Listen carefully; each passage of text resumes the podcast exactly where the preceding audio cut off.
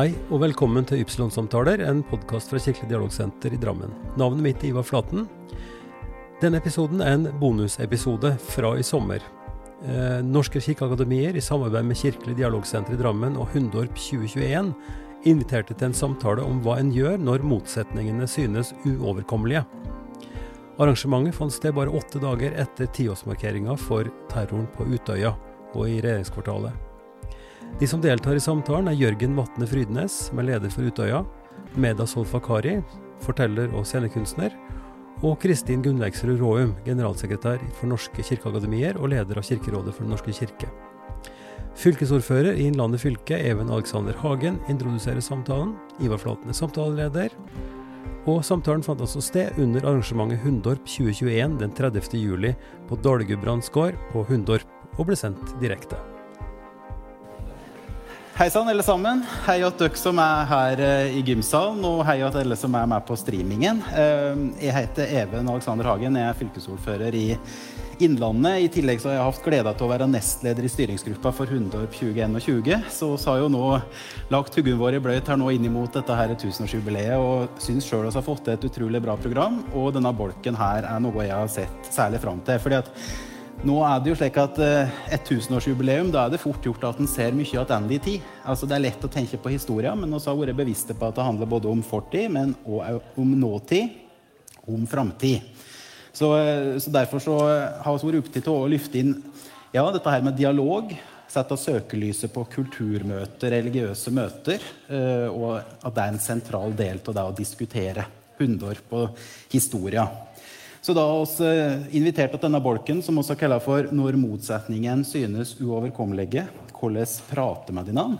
Og det er helt essensielt. Og her har det vært mange som har møttes, hatt dialog opp gjennom tida. Og det er fint at vi også kan gjøre det nå i år.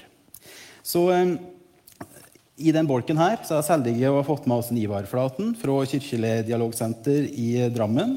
Han vil lede samtaler. Har jo òg fått Brobyggerprisen i 2020. Oss har òg med oss eh, Meda eh, Solfakari, forteller og scenekunstner med lang erfaring knyttet til dette her med dialog. Oss har òg med oss eh, Kristin Gunnleksrud Råum, eh, som da er generalsekretær for Norske, Norske kirkeakademier og leder av Kirkerådet for Den norske kirke. Og så har vi med oss på skjerm på streaming en Jørgen Vatne Frydnes, som er daglig leder for Utøya. og som jeg kjenner godt. da. Eh, ønsker det å velkomme Jørgen. Eh, jeg har jo min eh, fartstid og bakgrunn fra AUF. Og for mange av dere er det kjent at jeg var på Utøya for ti år siden.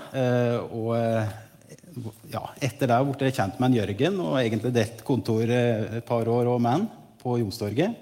Og er veldig glad for at Jørgen òg kan ta del i, i denne bolken. Um, har jo også gitt ut boka nå 'Ingen mann er en øy', og nå nylig så fikk jo òg Utøya og Jørgen Fritt Ords honnørpris. Så da har vi som flere enn bare oss i arbeiderbevegelsen blitt løfta fram som en veldig viktig stemme og, og ja, viktig aktør. Så da ønsker jeg rett og slett å gi ordet til Ivar, så skal du lede samtalen fra her.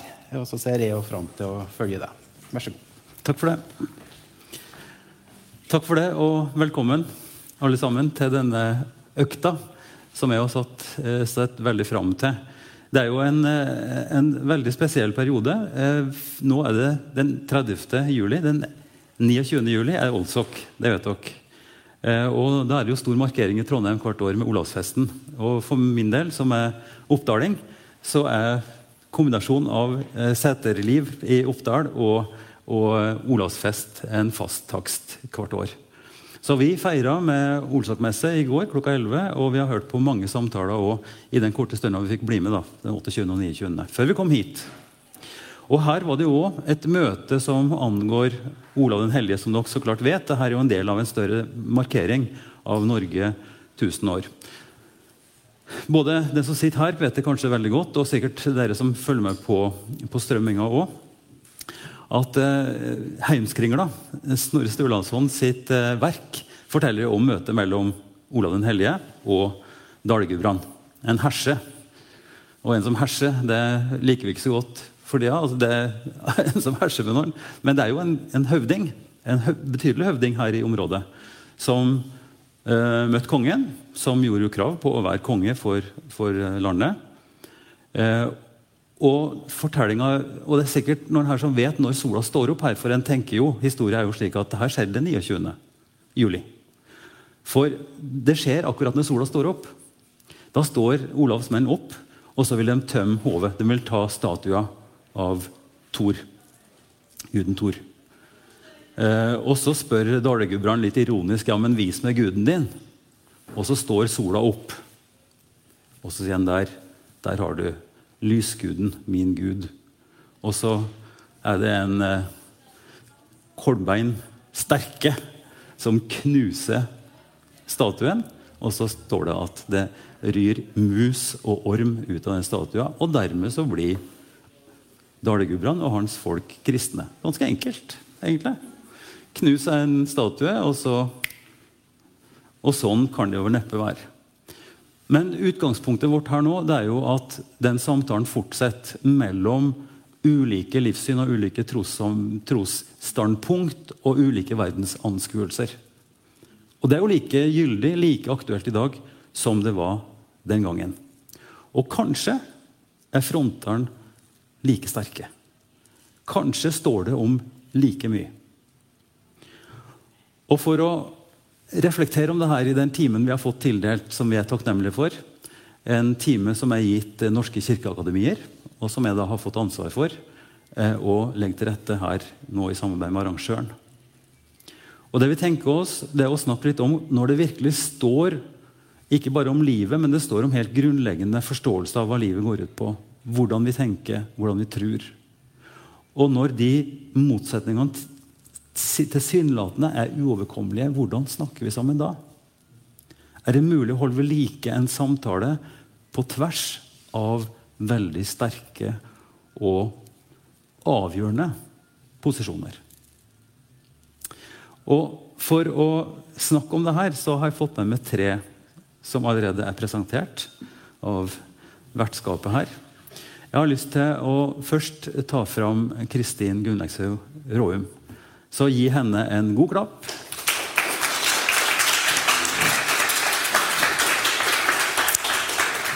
Kristin, du er altså eh, ikke mindre enn den fremste tillitsvalgte for Den norske kirke, som er jo majoritetstrossamfunnet.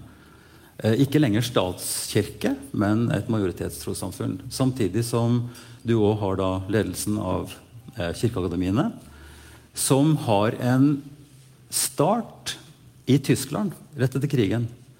Hvor folk satt rysta og sjokkskada igjen, både fra kirka og andre steder. Hvordan kunne dette skje hos oss? Mm.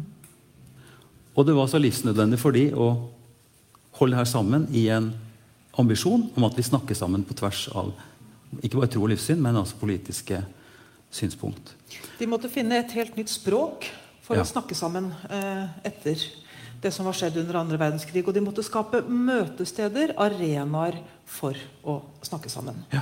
Uh, og den tradisjonen står vi i fortsatt, og har fortsatt mye å lære av. Ja. Og du leder altså den organisasjonen som har 70 lokale uh, akademi rundt omkring i Norge. 75, faktisk. 75. Stadig vekst. Det er bra. Men uh, altså, du har bakgrunn som pedagog. du har lest kristendom. Eh, du har jobba i IKO, som er et kirkelig senter for pedagogiske verktøy til opplæring for barn og andre. Og du er altså da nå på andre perioden eh, øverste leder for Den norske kirke, som leder for Kirkerådet. Det er Kristin.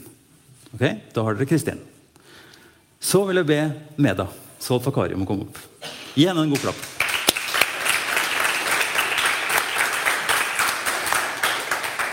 Meda har eh, en bred og interessant bakgrunn. Du er tolk, du er filmutdanna, du er journalist, du er teologistudent og nylig ansatt for å spille Sheh Harazad i, i Kilden kulturhus i Kristiansand.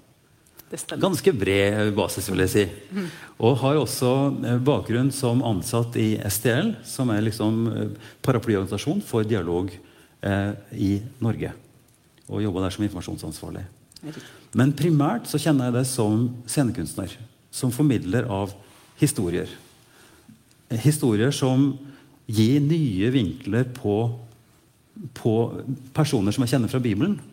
Eh, det sa jeg ikke, men jeg er teolog, teolog sjøl. Jobber som, som, dialogprest og har et, eh, et ansvar for og så klart har lest teologi i mange år. Men du har gitt meg helt nye bilder av Maria, f.eks. I islamsk tradisjon. Og en yndlingshistorie som vi skal komme tilbake til, det er jo når du i en slags fortellerbattle, en kristen forteller og en muslimsk, som snakker om historien om Abraham, Ibrahim og Isak Ismail. De har rett. Hvilken versjon stemmer? Og hele det møtet mellom tradisjon eh, og tro har du stått i og står i og formidler veldig bra. Det er meta. Okay? Og så, nord for Bergen, midt i ferien sin, der han egentlig skulle ta hovedansvar for sine barn, og sammen med far, så er Jørgen Vatne Frydenes med oss på link. Du skulle gjerne vært her, Jørgen, men du er med oss sånn som du kan, og det er vi utrolig glad for. Eh, Jørgen er jo veldig godt kjent nå, tror jeg for de fleste, som leder av Utøya. Men det er ikke sikkert alle kjenner bakgrunnen din som statsviter og også har jobba i, i, i eh, Hva heter det nå? Medis, eh, medis, leger, leger, uten grenser. Beklager. Eh, og har en bred, en bred, erfaring der. Men grunnen til at jeg naturligvis ville ha det med her, sånn, det er jo at du nå har stått i et ja, et trykk og en, et, et, et fokus pga. tiårsmarkeringa av Utøya-massakren og terroren som slo oss da. Og det arbeidet som det har gjort eh, for å om ikke forsone, så i hvert fall holde sammen veldig motstridende meninger om hva Utøya skal være, og hva Utøya skal bli. Eh, og du, Jørgen, også, du er styremedlem i, i Helsingforskomiteen, og også nå nytt medlem i Nobelkomiteen, som den yngste noensinne. La oss si at det er Jørgen.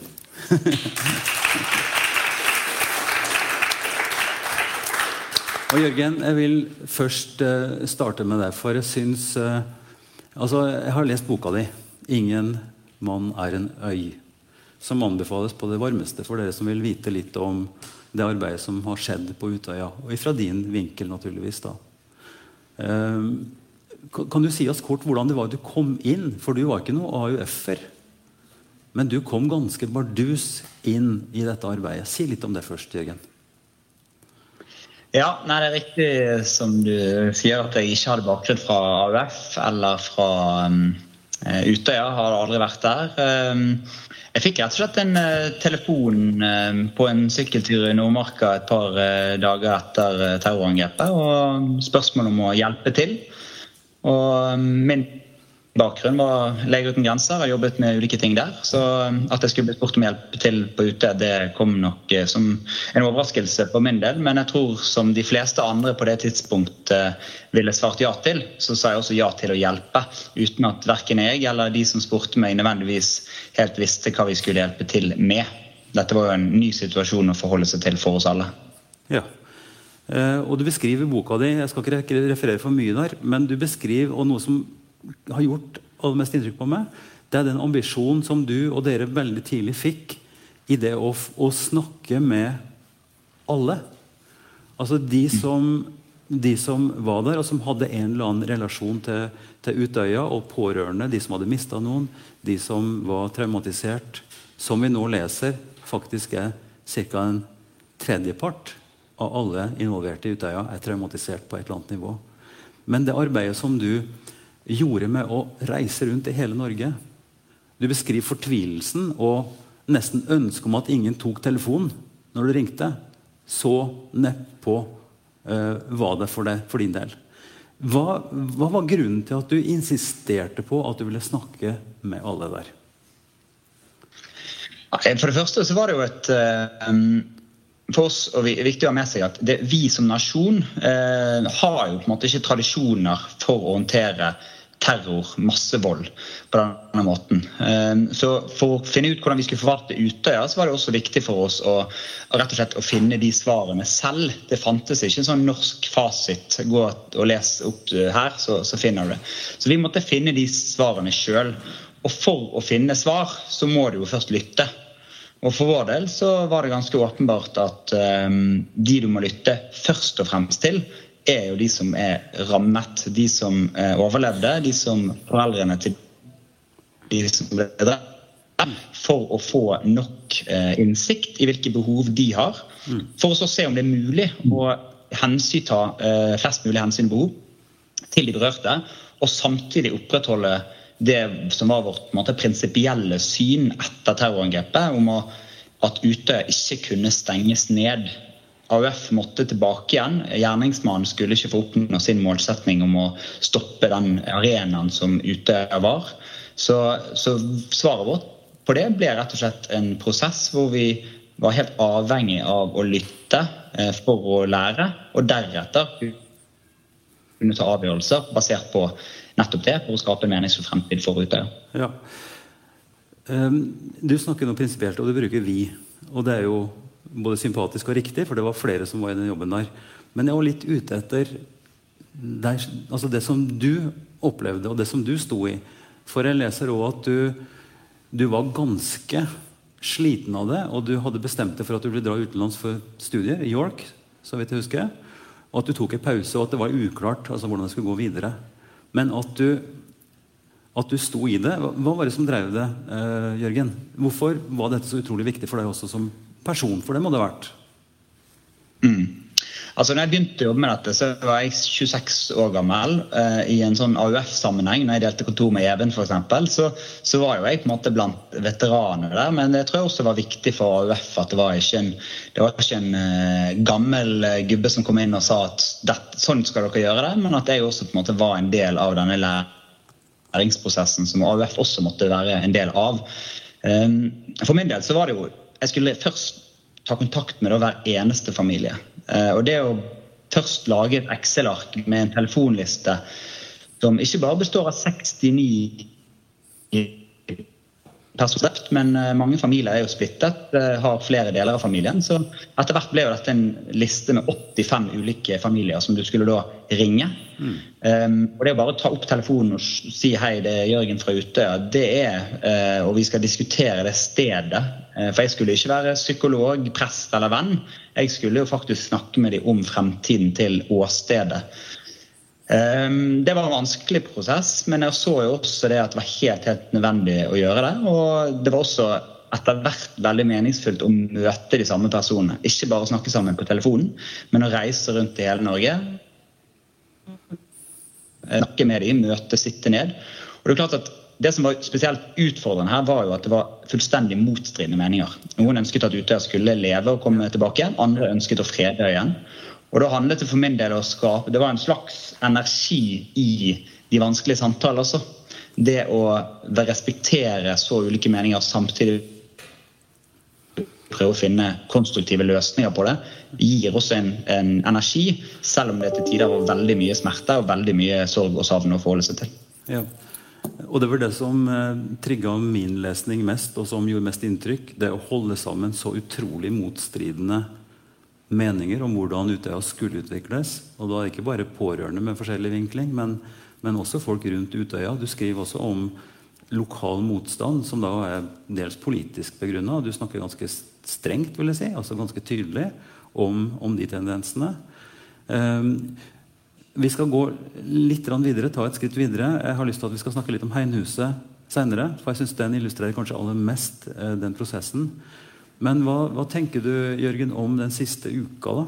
Og, og, debatten sånn som den Eller har du tatt helt ferie fra det? Kanskje er det det klokeste. Men jeg regner med at du har fått med deg noe av det som, som går i debatten rundt, rundt, Utøya og, og, og, alt det der. Vil du si bare litt om det før vi går til neste gjest her? Ja, altså um, Jeg har jo definitivt eh, ikke vært på ferie de siste, de siste dagene rundt 22. juli. Um, altså, AUF har jo Um, og det er jo ganske slående at eh, de overlevende uh, selv har tatt ansvar i løpet av årene som har gått, men også vært de som har klart å bringe denne debatten opp på et nytt nivå. Uh, og den har fått et nytt momentum. Um, jeg håper jo virkelig at dette er en samtale som vi klarer å ha på en ordentlig måte, ikke en fordummende måte på en tabloid måte, for det er tema for alvorlig for at dette bare skal bli en, en ja, at politiske aktører sier du er sånn og du er sånn. Dette er et viktig ansvar for oss alle. Og Det å orke å ta det igjen i debatten. Og så tror jeg også det er viktig å se oss som nasjon, oss som personer, også litt i, i speilet. Og se at eh, hvis vi skal kunne komme videre i disse spørsmålene her, så må vi også være villige til å pirke borti ganske mange eh, vanskelige temaer i vårt eget selvbilde. Som samfunn. Men det er helt nødvendig, i, ikke bare for å jobbe med 22. juli som tematikk, men, men, nettopp for å sørge for at vi har et åpent og tolerant samfunn som ikke eh, ja, legger grobunn for sånne type hendelser som ikke vi har bare sett én gang de siste ti, år, ti årene, men, men, to. Ja. Eh, vi skal komme tilbake til Heinhuset. Eh, det er jo interessant å vite at The Guardian har da sagt at, at Heinhuset, det bygget, er en av verdens ti viktigste bygg. Det sier noe om både prosessen og det sier noe om hva dere har oppnådd i, den, det arbeidet der. Vi skal komme litt tilbake til det, Jørgen. Kristin, hva, hva kjenner du på når du hører dette? Ja, For det første så har uh, boken til Jørgen gjort veldig sterkt inntrykk på meg. Og jeg har notert mye, streket under mye som jeg har tenkt er så nyttig for meg som i denne lederposisjonen. Fordi eh, når vi snakker om religionsdialog eller dialogiske prosesser, så handler det både om mellom tro- og livssynssamfunn, mm. men det handler også om innad i tros- og livssynssamfunn. um, og um, det som jo slo meg som Jeg har mange tanker rundt dette, men noe av det som slo meg som, som, veldig nyttig, det var å lese om hvordan prosessen endret seg når Jørgen som daglig leder på Utøya begynte å lytte på dypet, eh, som jeg velger å kalle det. Lytte hva som ligger bak, eh, og hvorfor er dette viktig? Eh, og det å stille spørsmålet det gjaldt både eh, eh, forholdet mellom kafébygget, hva skulle bevares Hva var det egentlig som var viktig, som lå bak?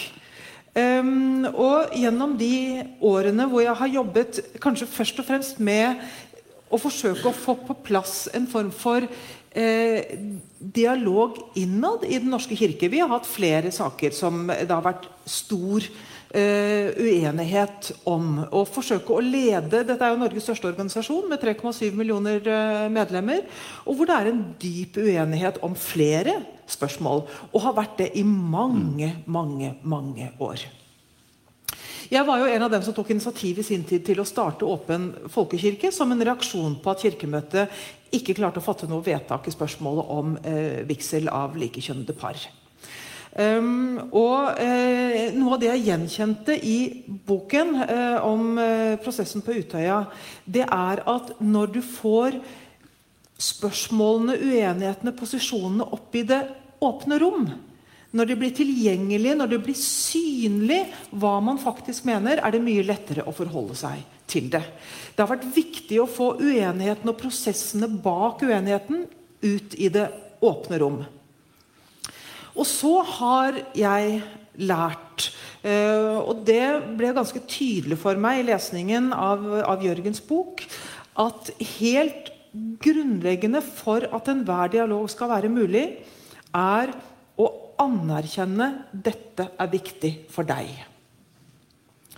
Uh, og det er klart at Jeg har tenkt mye på den debatten som vi har hatt nå både i forkant etterlysningen eh, helt legitim fra eh, AUF og Arbeiderpartiet om at man ikke må, må skjule at dette, dette, var ikke terror i blinde. Dette rammet en gruppe av det politiske Norge pga. det de sto for.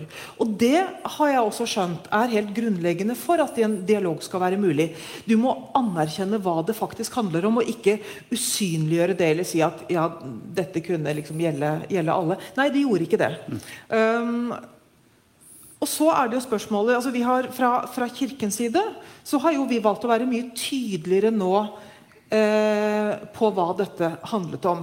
Um, vår preses sa uh, i gudstjenesten i Oslo domkirke 22.07. nå at kirkeklokkene skulle ringe over hele landet eh, for å minnes dem som ble myrdet, men også for å varsle fare, slik det var i gammel tid, og slik er det nå. Eh, så vi har også skjønt at det er viktig at vi som kirke både sier noe om dette, men også er med å advare og ta jobben i egne rekker eh, med ekstremisme. Og Da viser jo den debatten som har vært i etterkant, at hvordan forholder du deg i det spennet mm. mellom mm. både å anerkjenne en posisjon som helt grunnleggende viktig, og å kunne advare mot tanker og holdninger som fungerer legitimerende for andre tanker og holdninger. Det der er ekstremt vanskelig. Men jeg tror at noe av nøkkelen eh, ligger i Jørgens bok, så jeg anbefaler den for alle som jobber med, med dialog. Det er nettopp det å lytte på mm. dypet mm. og stille spørsmålet Hvorfor er dette så viktig for deg, mm. og hva i dette er så viktig for deg? Meda, eh, du har også dine erfaringer som er knytta direkte til det som skjedde for ti år siden. Snakk om det. Eh, nei, altså Hvis vi skal snakke om Utøya, så kan jeg jo dele hvor jeg var. Eh, jeg var jo i Tadsjikistan, i Sentral-Asia, når eh, hendelsen skjedde. Og så husker jeg min bror, storebror ringte meg fra Oslo og sa at Mehta, nå har det skjedd en terrorangrep i Norge.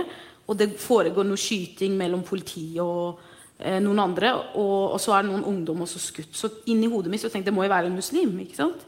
Og da så jeg for meg disse personene som drev med dette, at de hadde på seg kjortler og langt skjegg og alt det der. Og det første jeg tenkte at jeg sa til, jeg var med moren min jeg bare, 'Mamma, jeg orker ikke å dra tilbake til Norge.'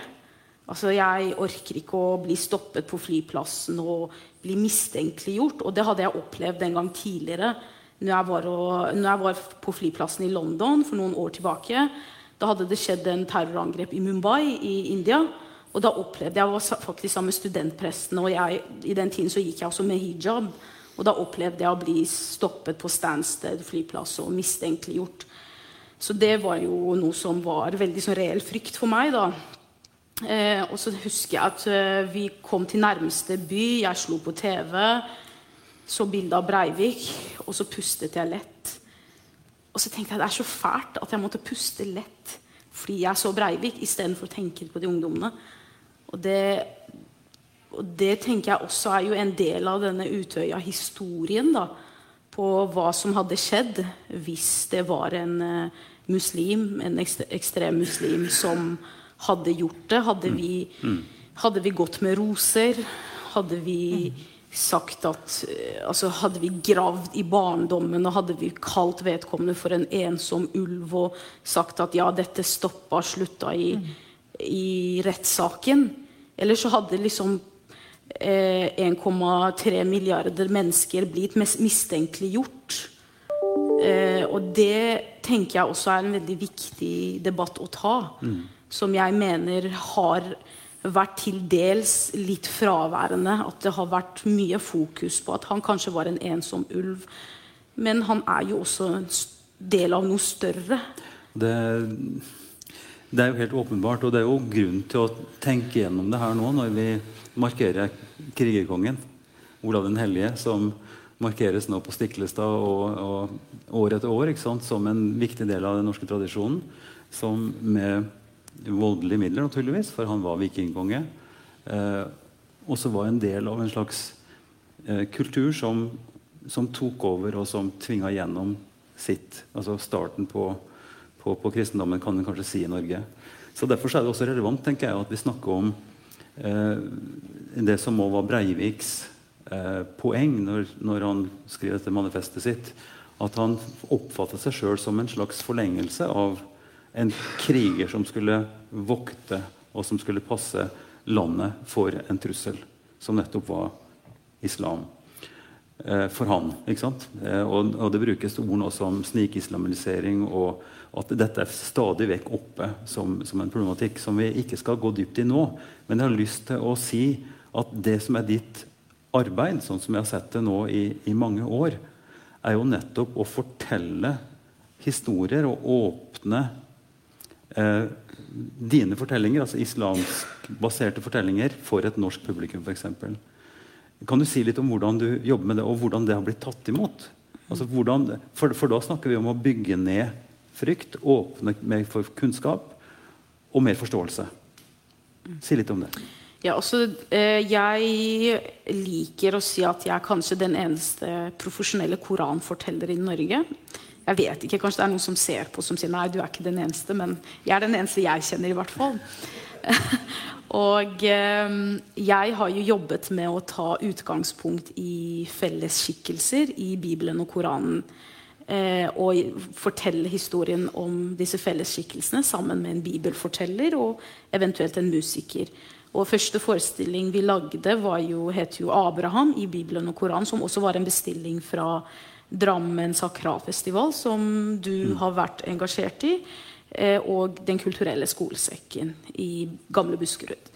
Eh, så da var det meg som var koranforteller, fortalte om Abraham, eller Ibrahim, som han heter i Koranen. Og så hadde jeg med meg en bibelforteller. Eh, og eh, vi så på de fortellingene sammen, og noe vi opplevde når vi lagde forestilling, var at de på en måte utfylte hverandre. Det er jo vår tolkning. Det kan jo være andre som sier nei, de gjør ikke det. Og det er jo også helt legitimt. Men eh, vår tolkning var at der hvor det mangler fortellinger om Abraham i Bibelen, så er det Koranen som har en fortelling, og motsatt. Eh, så har vi siden turnert med den rundt, om, rundt, omkring på ungdomsskoler og videregående skoler i Norge. I veldig mange fylker. Eh, og så har jo jeg og en bibelforteller og musiker laget en oppfølger som heter Maria i Bibelen og Koranen. Hvor vi i tillegg til å fokusere på eh, det dialogiske, altså religionsdialogiske, også fokuserer på kjønn og feminisme og altså eh, religion og kjønn. Da. Og det mener vi er også viktig. Hvis vi, være, hvis vi, skal snakke om dialog, så kan man ikke unngå å gjøre det med mindre man også snakker om kjønn og maktstruktur innad i trossamfunn. Mm. Og det som gjør det enda viktigere, er at nettopp fordi veldig mange høyreekstremisme bruker jo eh, kvinner og f.eks. skeive homoseksuelle for å tråkke ned eller stigmatisere hele islam. Og da tenker jeg også det er veldig viktig å snakke om det. Da. Så det er først og fremst de to forestillingene mm. jeg har mm. jobbet med, som jeg også turnerer, eller vi turnerer med rundt omkring på skoler i Norge. Det, det som var så berikende og utrolig fascinerende for min del, eh, historien om, om Ismail og, og, og Ibrahim, eh, kjente jeg nok litt til. Men at Maria var en sånn feminist Altså Den unge Maria som opponerer mot presteskapet i tempelet som står fram der som en sånn kraft. Det, det, hvem har hørt om det? Altså, hvor er den historien? Ikke i Bibelen. Nei. Men det beriker et bilde og, og, og gjør altså den fortelling som, som er med på å, å, fylle ut. Og så kan man så klart diskutere hva er korrekt historisk, og hvordan altså Vi på Dale-Gudbrands gård, av alle steder, må jo kunne reflektere om hva er historisk her. Eh, men at fortellingene lever, og at de gir et bilde av en sterk skikkelse. Eh, hvor kommer det fra? Det er ikke noe som du har dikta det? Nei, altså litt om Maria, Jesu mor i Koranen. Hun er jo den eneste kvinnen i Koranen som har et kapittel nevnt etter seg. Resten av kapitlene er enten nevnt etter profeter som var menn, eller nevnt etter andre ting. Eh, så fortellingen om Maria i Koranen er mest i to kapitler. Eh, og det som er interessant, det var også noe som vi oppdaget når vi jobbet sammen, var, er at så, så, vidt jeg har forstått Bibelen, så starter fortellingen om Maria med at hun får et budskap om at hun skal få en sønn. Så hennes karakter eller skikkelse i Bibelen er veldig mye knytta til Jesus. Mens i Koranen så begynner fortellingen om Maria fra tiden før Maria er født. Og nesten avsluttes med Jesu fødsel og, og Jesus som snakker i vuggen. Så det er jo på en måte at hun, eh, den koranske fortellingen har mer fokus på henne. da. Eh, og det var også veldig fint å kunne jobbe med en bibelforteller, for vi mente også det var med på eh, på en måte at de virka litt komplementære i forhold til mm. hverandre. Eh, og når jeg jobba med den fortellingen Jeg begynte med det som min eksamensfortelling når jeg studerte muntlig fortelling på Høgskolen i Oslo. Eh, og eh, jeg kom bort til en fortelling av Maria basert på Koranen og tilleggstradisjon, som handler om at eh, kvinner ikke hadde adgang til Salomos tempel. Eh, og hun var på en måte den første som trosset dette forbudet og gikk inn og ble kraftig kritisert av presteskapet, da, altså jødiske presteskapet. Eh, og som en eh, muslim så har jeg jo også opplevd ofte at moskeene er veldig kjønnssegregerte. At noen moskeer ikke har kvinnetilgang. At det jeg oppfatter som at kvinner er marginalisert da, i moskeen, så kan noen mene at nei, det er ikke det. Men det var min opplevelse. Og så tenkte jeg, er det noe i min tro som kan hjelpe meg med å jobbe mot dette? Fordi ofte så har jeg liksom hørt at for å være feminist så kan ikke du være religiøs. Verken kristen eller muslim. Fordi de to tingene strider mot hverandre. Så for meg så handler det om, om å utforske muslimske, eller islamske tekster, Koranen, tilleggslitteraturen, det man kaller for hadith-tradisjon, og, og, se er det noe jeg kan hente der mm. som en inspirasjon for meg som en religiøs feminist. Og det var jo Maria-fortellingen i Koranen, da. Mm. Eh, og så møtte jeg jo min kollega Anne Berit Evang, som også er prest i Den norske kirke. Og da ble hun også inspirert til å tenke på hvordan Maria har inspirert henne mm. til å bli prest. fordi hun har jo også vokst opp eh, et sted hvor det var lite kvinnelige prester. Da. Så da har vi laget den Det er stikkord. Eh, anbefaler denne fortellingen, og det skal bli spennende å se videre når du nå skal fortelle She Harasad Schehersad. Schehersad ja. Som er denne 1001 natts-fortellerskikkelsen. Som holder seg sjøl i live ved å fortelle spennende historier. Så da må vi dra til kilden. antageligvis. Eh, Velkommen, altså. Det er en barneforestilling. Men stikkordet er jo nettopp det kvinnelige og det feministiske. Når vi nå leser fra Norske kirke at uh, uhyggelig store prosenter av kvinnelige prester kan melde om uheldig eh, oppmerksomhet det er jo en del av et større bilde. så klart, vi skal ikke gå veldig dypt i det, Men det er flere slike konfliktlinjer som nå blir tatt opp. Eh, hvor ubehagelig er det? Spør du om det er ubehagelig for meg eller for kvinnene? Det er jo du er sjefen. Ja, sjefen. Øh, nei, det er mest forstemmende er vel det ordet jeg helst mm. vil, eh, vil bruke. Uh, men kanskje ikke så overraskende, for historiene har vi jo hørt. Men eh, utgangspunktet her det var jo at eh, vi skjønte at eh, både når, når, det gjelder eh, LHBT, altså eh, lesbiske, homofile, bifile og transpersoner i kirken, eh, og kvinner, så har vi hørt fortellinger om trakassering, om utenforskap. Da er det jo som en ansvarlig arbeidsgiver, vi er altså en arbeidsgiver for, mm. for, eh, for prestene fra vår side, eh, så må vi jo finne ut av hvor omfattende er dette. Så Derfor hadde vi en arbeidsmiljøundersøkelse blant LHBT-personer mm. i Den norske kirke. Eh, og fant ut omfanget av dette og hva det handlet om. Ikke minst den belastningen å være Kirkens sak, var det veldig mange som, som, fortalte om. Og Når det gjaldt kvinnelige prester, så satte vi også i gang en arbeidsmiljøundersøkelse for å finne ut omfanget av, eh, av dette. Og det var på bakgrunn av historier eh, om hvordan det var å være kvinne mm. og prest og bli motarbeidet. Så eh, igjen handler det om du må vite mer av hva du snakker om. Altså, jeg tror at kunnskap er helt avgjørende i religionsdialogen mellom ulike religioner og livssyn.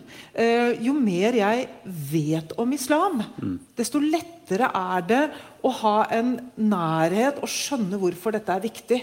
Uh, og, uh, så jeg opplever jo både Maria-forestillingen, som jeg har, uh, har, sett og hatt veldig stor glede av, og Abraham Ibrahim-fortellingen som utrolig viktige dialogiske mm. fortellinger. Mm. Fordi det er gjennom fortellingen at man får nærkontakt med hva dette egentlig handler om på dypet. Mm. Mm.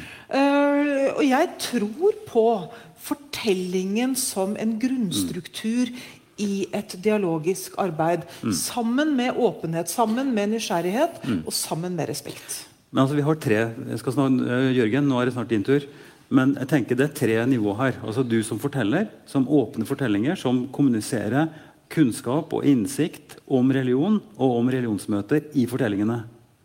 Eh, og vi kan bare minne om Sven Tindberg sin eh, Markus-forestilling og Abrahams barn-forestilling, som har åpna utrolig mye for folk flest. De bor jo i Kina, men de er ikke interessante nå. Men for nordmenn som har skjønt mye mer av dette gjennom fortellingen. Så har vi Kristin, som er leder for en stor gruppe mennesker som har et trosgrunnlag, og som har et ansvar for å åpne opp eh, altså, både forståelse for mangfold, eh, ikke bare kvinner og, og, og trans og, og, lesbiske og hele den regla som jeg aldri husker navnet på. men altså, ja, LBT, Et eller annet der. Ja. Og så har vi Jørgen, som har et mandat til å jobbe med tilsvarende problemstillinger, men i en type håps- og kunnskaps- og utviklingsretning. For Utøya er jo et sted for håp og for framtid og for beredskap mot den djevelskapen som vi så utfolde seg der.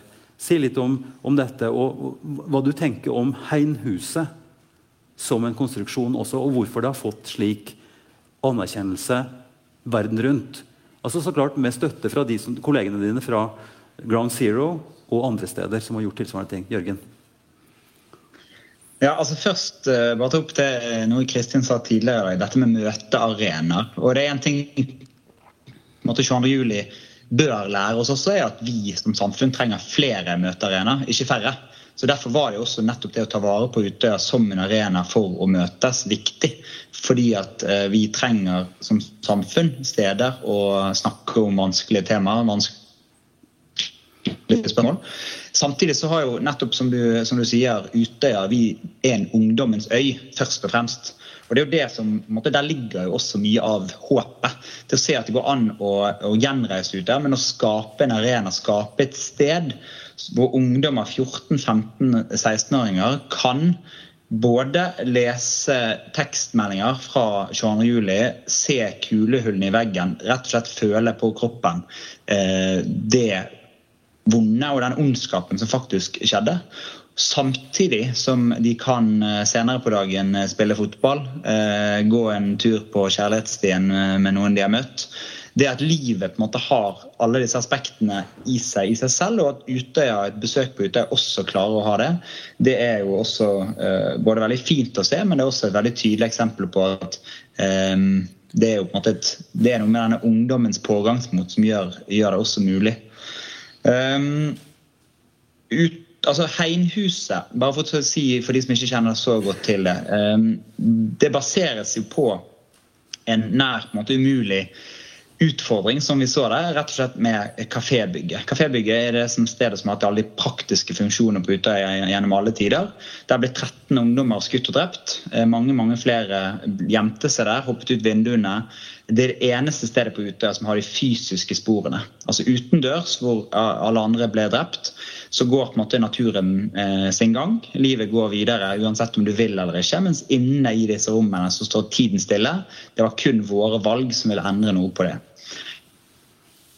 Um, og der var det jo da etterlatte mødre og fedre som sa at eh, vi ønsker å rive bygget. Vi trenger å få det bort for at vi skal gå videre. AUF-ere som sa at jeg skal tilbake inn på leir for å overvinne på en måte gjerningsmannen og hans ideologi. Men tanken på å åpne teltduken og første du ser er denne mørke fasaden hengende og kaste skygger over teltplassen, det så veldig mange som umulig. Ehm, men så hadde du selvfølgelig mange som var stikk motsatt mening. Etterlatte mødre og fedre som trengte å komme til det stedet barna deres levde sist. Eller overlevende som trengte de rommene, toalettavlukket f.eks., for, eksempel, for å komme tilbake til øyen. Ikke for å dra på leir, men for å bearbeide sine traumer. Og Det var jo på en måte i denne motsetningen da, ehm, mye av disse diskusjonene her lå. Så det enkle svaret er jo, som vi har snakket om tidligere nå, at vi snakket sammen. Vi reiste rundt i landet, vi prøvde å finne ut hva er det som er det helt essensielle, hva er det viktigste her. Og ved hjelp av både flinke folk fra inn- og utland, eh, ikke minst de berørte selv, arkitekter og andre, så skapte vi da et hegnhus. Ordet hegnhuset er jo ikke det mest brukte ordet i norsk språk, men vi liker det likevel. Det hegner om, det beskytter, det tar vare på. Det består av 495 søyler som hold, står rundt Det er 495 og det er de som overlevde terrorangrepet på øyen. Eh, de står rundt og hegner om 69 søyler som strekker seg mot himmelen og bærer det nye taket. Og på innsiden av det igjen så kunne vi da ta vare på kafébygget. Um, og i dette bygget i seg selv så har jo denne, for, denne, denne helheten, denne balansen mellom fortid, fortelle om 22.07, hva bygget var før, men også fremtid. Fordi vi har i dette bygget bygget noe vi kaller et demokrativerksted. Og Det er ikke noe sånn high-tech, fancy læringssenter på ingen måte. Det er først og fremst stedets kraft, stedets betydning. Det å diskutere toleranse, mangfold, det å diskutere hvordan konspirasjonsteorier eh, eh, Hvilken effekt det har. Hvordan du skal oppføre deg opp overfor medelever, medborgere. Ikke et vondt ord norske klasserom, for, eksempel, for det er en utrolig viktig arena, men det gjør noe helt eget å diskutere disse temaene på et sted som, som Utøya. Um, og Det er jo derfor Utøya har blitt et, uh, både anerkjent både av uh, de som selv har en en vond historie tilknyttet det, men ikke minst også av både de som bruker det, og de som, uh, sånn som The Guardian, som har betegnet det som et av de ti viktigste byggene i verden. Mm. Det, det, som slår meg, Jørgen, det er jo at en både erkjenne ondskapen, at den nærværende i minnene der, og samtidig som en tar tak i å snakke om årsaker, potensielle farer, sette navn på ting, og møte utfordringer i, en, altså et, et verksted for yngre folk. Og en, jeg er jo nysgjerrig på det også, Kristin, hvordan kirka For det er jo ingen tvil om i stort, en stor flokk mennesker så er vi vel, har vi så klart alle slags varianter. Og det er ganske sterke strømninger nå som går på den skal vi si, isolerende, fryktbaserte, nærmest tilbaketrekkinga fra mangfold. Fordi at det, at det utgjør en, en risiko. Vi, og nå snakker vi både om kvinnespørsmål, men også om det brune. Og, og, og det som altså, Kall det fascisme, da, eller rasisme, eller, eller tilbaketrekking, fordømming. Er ikke Utøya et, eh, en god modell for et kirkelig senter òg? Eller skal vi slå det sammen? rett og slett? Skal vi, å, skal vi sende folk over dit? Eh, jeg tror ikke vi skal slå det sammen. Eh, men det er ingen tvil om at vi har mye å lære av prosessen på mm. Utøya. og Eh, jeg har registrert at Humanitisk Forbund har konfirmantleire der. Det mm. burde vi fra Den norske kirke og andre som driver med konfirmantundervisning, også definitivt ha. Og, og alle bispedømmeråd, alle fellesråd, altså alle som har lederskap, alle biskoper ikke minst, burde jo ha hatt obligatorisk uke på, på Utøya. Det er et, et tips. Det, det, er en plan. Det er en bra plan. Noter det. Men, uh, vi, vi, har å, vi, har mye å, lære uh, av den prosessen. Og så har vi jo, uh, som har vært tydelig nå i det siste Jeg har også skrevet i VG 22.07. om at Kirken må ta et oppgjør med ekstremisme i egne rekker. For vi har jo også eh, Meda forteller veldig sterkt om hvordan hun visste at dersom terroristen hadde vært en muslim, så hadde det vært din skyld og alle andre muslimers skyld. Uansett. Men de to terroristene vi har hatt i Norge i moderne tid, har jo begge brukt kristne symboler mm. og kristne fortellinger. Men i veldig liten grad blir jeg konfrontert med dem, og jeg står til rette for det disse to terroristene eh, gjorde og sto for. Det er mye lettere for oss å ta, markere avstand fra det. Men jeg har i mange år lest hvordan eh, mye av denne eh, motstanden, del hetsen mot Arbeiderpartiet, også har en kristen begrunnelse. Eh, det må vi ta et ansvar for å ta et oppgjør med. Hvor Arbeiderpartiet fortsatt i kommentarfeltene på ulike nettsteder får skylda for eh, sekulariseringen i Norge. For eksempel. det er også en del av denne fortellingen som vi er nødt til eh, å forholde oss eh, til og gå inn i og skjønne hva det handler om. Og så eh, må jeg nesten få sagt Og sorry, nå som vi er her på Dale Gudbrands eh, gård eh, Vi har veldig lite å lære av akkurat den historien. Den er vel egentlig et, en oppskrift på hvordan dialog absolutt ikke skal foregå. For det første så handler det jo om en konflikt hvor man skal vise hvilken gud er den sterkeste. er jo utgangspunktet. Eh, og så er det jo også en historie om skitne triks. Eh, og hvor eh, kong Olav tiltar seg eierskap til selveste sola. Dette er min gud. Og så får han da noen til å knuse eh, gudebildet og eh, fjerner kraft, latterliggjør eh, Og eh, det er jo en hån mm. mot mm. denne religionen som hadde levd her i landet. Mm. Så jeg tror det er vi skal, vi skal, i veldig liten grad gå og hente læring eh, av akkurat den historien, men vi må gjerne dra til Utøya. Men dette er jo en dag for nåtid, som fylkesordføreren sa. Vi, vi, vi, er her for å snakke om i dag. og Derfor er det relevant å snakke om Utøya. Derfor er det relevant å snakke om konflikter og motsetninger i kirka. Derfor er det aktuelt å snakke om det arbeidet som du gjør. Meda? Altså, jeg synes det er veldig jeg tenker Hvis vi skal ha en dialog, så er det også veldig viktig å tenke at alle religioner, om vi snakker om islam, om vi snakker om kristendommen, de kan brukes til noe positivt. De kan brukes til dialog, de kan brukes til å tenke miljø.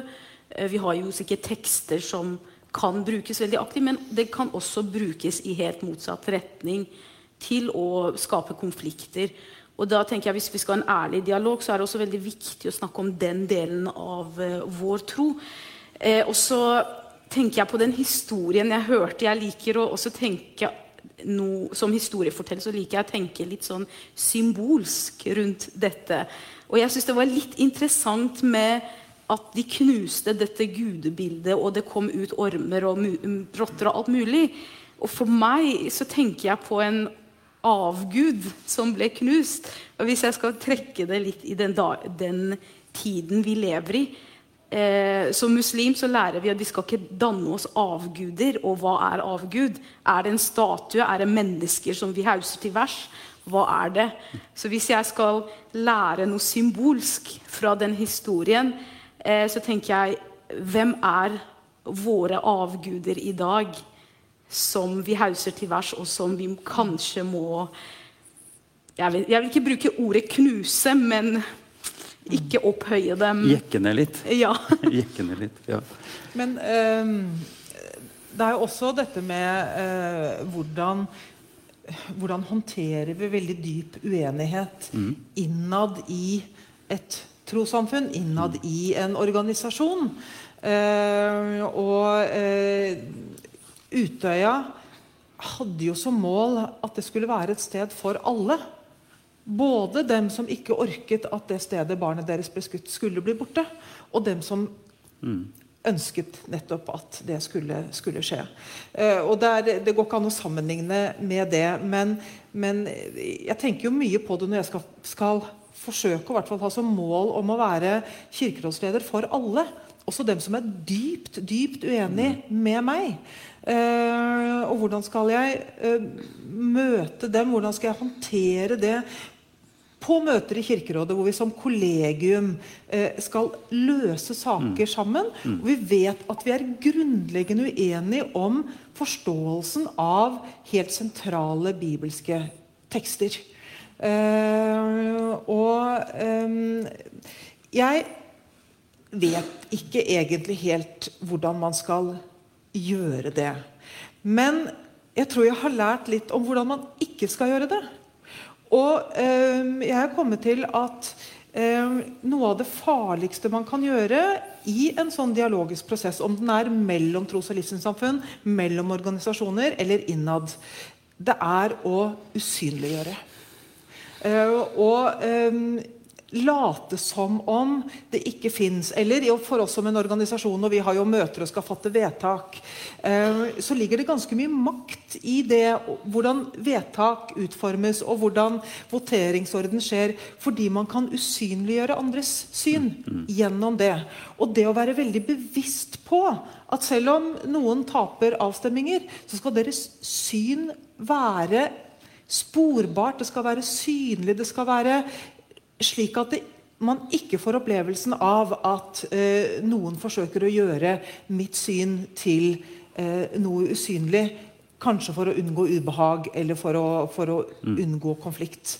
Eh, og jeg tror at usynliggjøring eh, av ulike grupper er det farligste man kan gjøre nettopp i et dialogperspektiv. Mm. Og det, og det gjelder jo åpenbart innad i islam, innad i, i kristenheten, som er minst like mangefasettert. Og hvor sannhetskriteriet, sannhetskravet, liksom er så tydelig. Altså vi, det vi står for, er sant. Det er Guds ord. eller altså En har en autoritet i det som gjør at de andre da dermed må finne seg i at de tar feil. Og det kan jo være ideologisk basert. Så klart. Altså En har et nærsyn eller en så sterk opplevelse av hva som er sant. Om det er konspiratorisk, eller om det er historisk, om det er ideologisk, så fins det overalt. Spørsmålet Jørgen, er jo hvordan holde dette sammen? Hvordan insistere på at samtalen er mulig når kløfta er så stor? For det, det er jo det vi må. I kirka og mellom religionene, og også politisk ideologisk. Så siste få minuttene, Jørgen. Eh, hva tenker du? Altså, hva er det som skal til for å tåle den andre? Jeg ser bildet av han bamsen som har stått imot Heinehuset helt fra begynnelsen, som kommer mot deg den dagen og gir deg en bamseklem.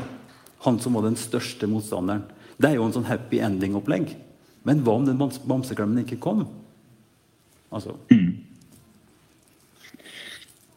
Ja. Um, det er ikke noe enkelt svar uh, på de tingene, åpenbart. Um, jeg tror jo sånn grunnleggende menneskelig også, det, å, det å oppriktig lytte til hverandre, det er en verdi utover den verdien du får til deg sjøl. Altså det du lærer ved å lytte, er åpenbart viktig for din egen del. Men det den andre personen eller de andre personene også føler ved at det er noen som er oppriktig eh, er interessert for, for, å forstå og, og ta de med seg, det å skape en kultur hvor det er mulig, det er jo tror jeg, utrolig viktig. Også i en, i en samfunnsutvikling, eh, mediemessig f.eks., hvor det i mindre grad handler om å lytte, og mer handler om å levere kjappe svar. Og det er også noe med arbeidet vårt på Utøya i dag, som et demokrativerksted, så er det jo noe med å anerkjenne at verden er eh, kompleks. Og det å på en måte ta avstand fra enkle sort-hvitt-løsninger og svar er også en måte å ta, ta, avstand fra ekstremisme, og som stort sett forholder seg at det er, og, og, alle andre tar feil. Så det å på en måte anerkjenne at verden er kompleks, eh, er jo et, et, viktig aspekt i, i, dette. Og det er noe vi fokuserer mye på i forhold til ungdommer 14-15-åringer som bruker ute i dag. Meda, hva vil du si som punchline? Jeg syns det er veldig vanskelig den debatten om ja, vi skal anerkjenne og, eh, at det finnes så mange ulike synspunkter. Men jeg, jeg, ønsker også å utfordre på ja, men hva er det vi tillater. For meg på eh, grensa til toleranse går på menneskeverdet. Ikke sant? For meg så blir det veldig vanskelig å stå og f.eks.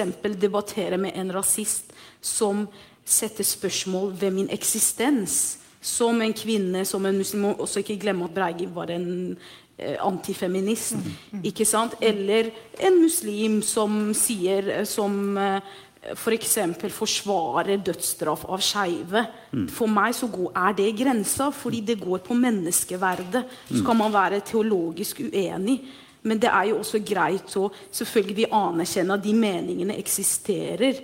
Men samtidig så må vi tenke hva er det vi tillater? Mm. Fordi det, å liksom invitere noen med så ekstreme meninger gjør også at kanskje andre blir ekskludert fra, mm.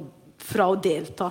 Mm. Og det ønsker Jeg Jeg har ikke noe fasitsvar på det, mm. men det vil jeg også at folk skal tenke på når man sier at vi skal tillate alt mulig av meninger. Kristin? Mm. Nei, eh, veldig veldig tankevekkende, veldig viktig, viktig poeng. Fordi eh, det er jo også noe med, med eh, at det er alltid noen som må betale en pris for en uenighet. Og i Kirken eh, så har det jo vært eh, de som har LBT-identitet, som, som, sier at det er vi som betaler prisen for at vi lever med, med uenighet. Eh, og da tenker jeg det, det du nevner der om at det går en grense et sted, er eh, også viktig å ta med seg inn i nettopp eh, eh denne diskusjonen. Og da kunne en jo kanskje slå fast at det er det med å lytting, det med å gi den andre en stemme og synlighet og respekt, altså å se og høre og ta på alvor, eh, da tror jeg vi kommer ganske langt. Og jeg ønsker Jørgen alt godt videre med ditt arbeid. Jeg gleder meg til å komme opp og besøke deg. Jeg har ikke fått gjort det ennå. Kristin, ditt arbeid videre, både i Kirkerådet, men også i Kirkeakademiene, som da er vertskap her, og med da. Tusen takk, og takk for at dere hørte på.